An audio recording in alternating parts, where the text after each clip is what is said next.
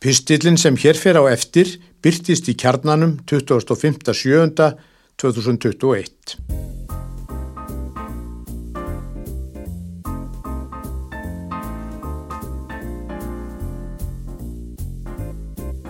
Endur koma smörbröðsins. Í dönsku orðabókinni er smörribröð útskýrt sem samentrekning af smör og bröð. Í íslensku orðabókinni er útskýringin á smurbröði álíka einföld, brauð með áleggi. Íslandingar, að mistakosti margir hverjir, gera hins vegar greinarmun á smurðubröði og smurbröði. Smurt brauð er brauðsneið með einföldu áleggi, til dæmis osti eða rúlupilsu. Smurbröð er íburðar meira, brauðsneið með kjöti eða rækjum sem svo er skreitt með salati og eggi svo eitthvað sé nefnt sem sé flottara. Danir nota orðið smörribröð um hvortvekja.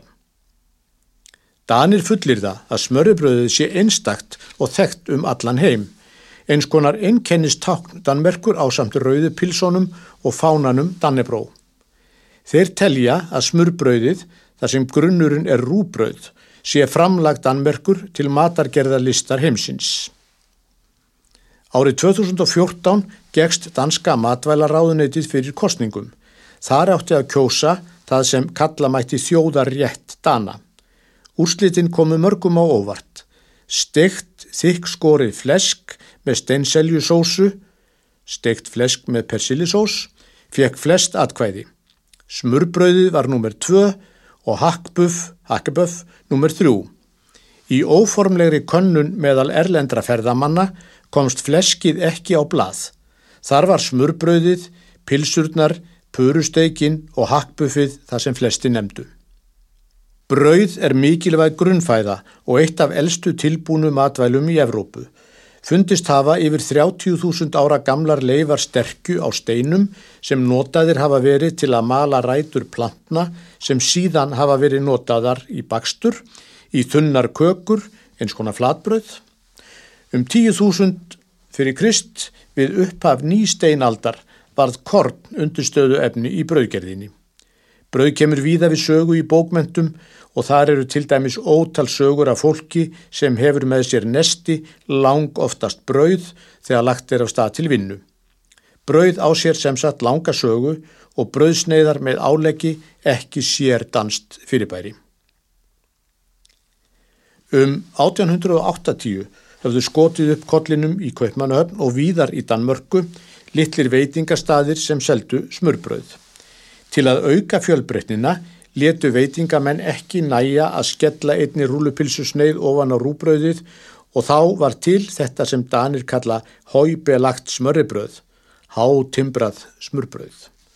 Þá eru á bröðsneiðinni fleiri en ein tegund álegs, þaðan kemur nafnið. Elsti matseðil sem varðvist hefur það sem bóðiður upp á hóitbelagt er frá árinu 1883 frá veitingastafnum Nimb við Tífóli. Eitt þeirra sem átti stóran þátti að gera það hátimbraða frækt um víða veröld var Óskar Davíðsen. Hann hafði um árabil á samt konu sinni Petru reikið Vínbar við Óbúlevartin í Kaupmannahöfn en fekk árið 1888 jafnframt leifi til að selja smurbröð. Smurbröði naut strax mikill af vinselda og hjónin einskorðuðu úrvalið ekki við fáeina tegundir. Matseðilin sem lengtist sífelt er skráður í heimsmetabók Guinness, hann var heilir 140 cm á lengt og smurbröðstegundunar 178 talsins. Upp úr 1960 fóru að verða breytingar. Pitsutnar heldu innreið sína í Danmörku eins og víðar. Kínverskir, franskir, vietnamskir og indverskir staði spruttu upp. Smurbröði þótti smá saman gamaldags, eitthvað sem eldra fólk borðaði. Orðalag eins bladamanns. En unga fólkið snið gekk. Pitsubildingin var lýsing bladamanns politíken á þessum breytingum. Allskynns skyndibitastaðir skutu líka upp kollinum Pilsusalarnir urðu yllilega fyrir barðinu á þeirri nýjung og þeim hefur fækkað mjög mikið. Þótt ymsir lístu áhyggjum yfir að þetta sérdanska eins og komist var að orði væri í útrýmingarhættu breytti það litlu. Smurbröðs veitingastöðunum fækkaði jamt og þétt og útlitið var ekki bjart. Sumir gömlu og rótgrónu staðana heldu velli, lifðu kannski að einhverju leiti á fornri frægð. Um og upp úr síðustu aldamótum fóra örla á breytingum. Ferðafólki sem lagði leið sína til Danmerkur fór hrattfjölgandi og áhugi fyrir því sem kallast mætti sérkenni dansks þjóðlífs jógst. Eitt þessara sérkenna er vitaskuld smurbröðið.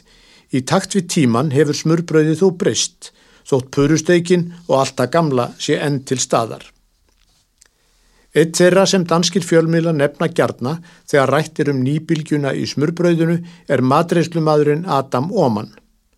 Hann opnaði í desember árið 2006 lítinn heimtökustað, takeaway, í Kaupmannahöfn.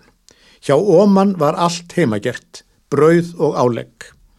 Jafnframt því að bjóða upp á hefðbundi smurbrauð gáttu viðskiptavinir valið allskynns grænmeti og ávexti sem álegg á smurbrauðið. Skemst er frá því að segja að þessi nýbreytni mæltist vel fyrir og Adam Óman rekur nú fleiri veitingastadi í Kaupmannahöfn. Fleiri fylgdu í kjölfarið og gömlu staðirinnir breyttu sínum áherslum, leggja nú aukna áherslu á lífrænt. Sören Frank, matar og vín sérfræðingur dagblaðsins Berlínske hefur undarfarið skrifa talsvert um það sem hann kallar upprísu smurbröðsins. Hann fagnar því að smurbröðið, bæði hið hefðbundna og nýjungarnar, njóti vaksandi vinselda. Ég var smeykur um að smurbröðstæðinir myndu smám saman hverfa en sem betur fer lifa þeir nú góðu lífi og fer fjölgandi. Í lokin má nefna að fyrir áratugum voru starræktar að minnstakosti tvær smurbröðstofur í Reykjavík. Starfsemi þeirra leið undir lok en fyrir 25 árum var opnaður veitingastadur í Reykjavík, Jónfrúin, sem býður gestum sínum ekta danst smurbröð. Stopnandin Jakob Jakobsson er sagður fyrsti karlmaður í heiminum til að útskrifast sem smörrebróðs Jónfrú. Hann lærði hjá fyrirnemndri Ítu Davíðsen. Fleiri staðir sem selja smurbröð hafa fyllt í kjölfarið. Lóks má geta þess að nokkrar íslenskar matvöruveslani bjóða nú upp á smurbröð til að taka með heim.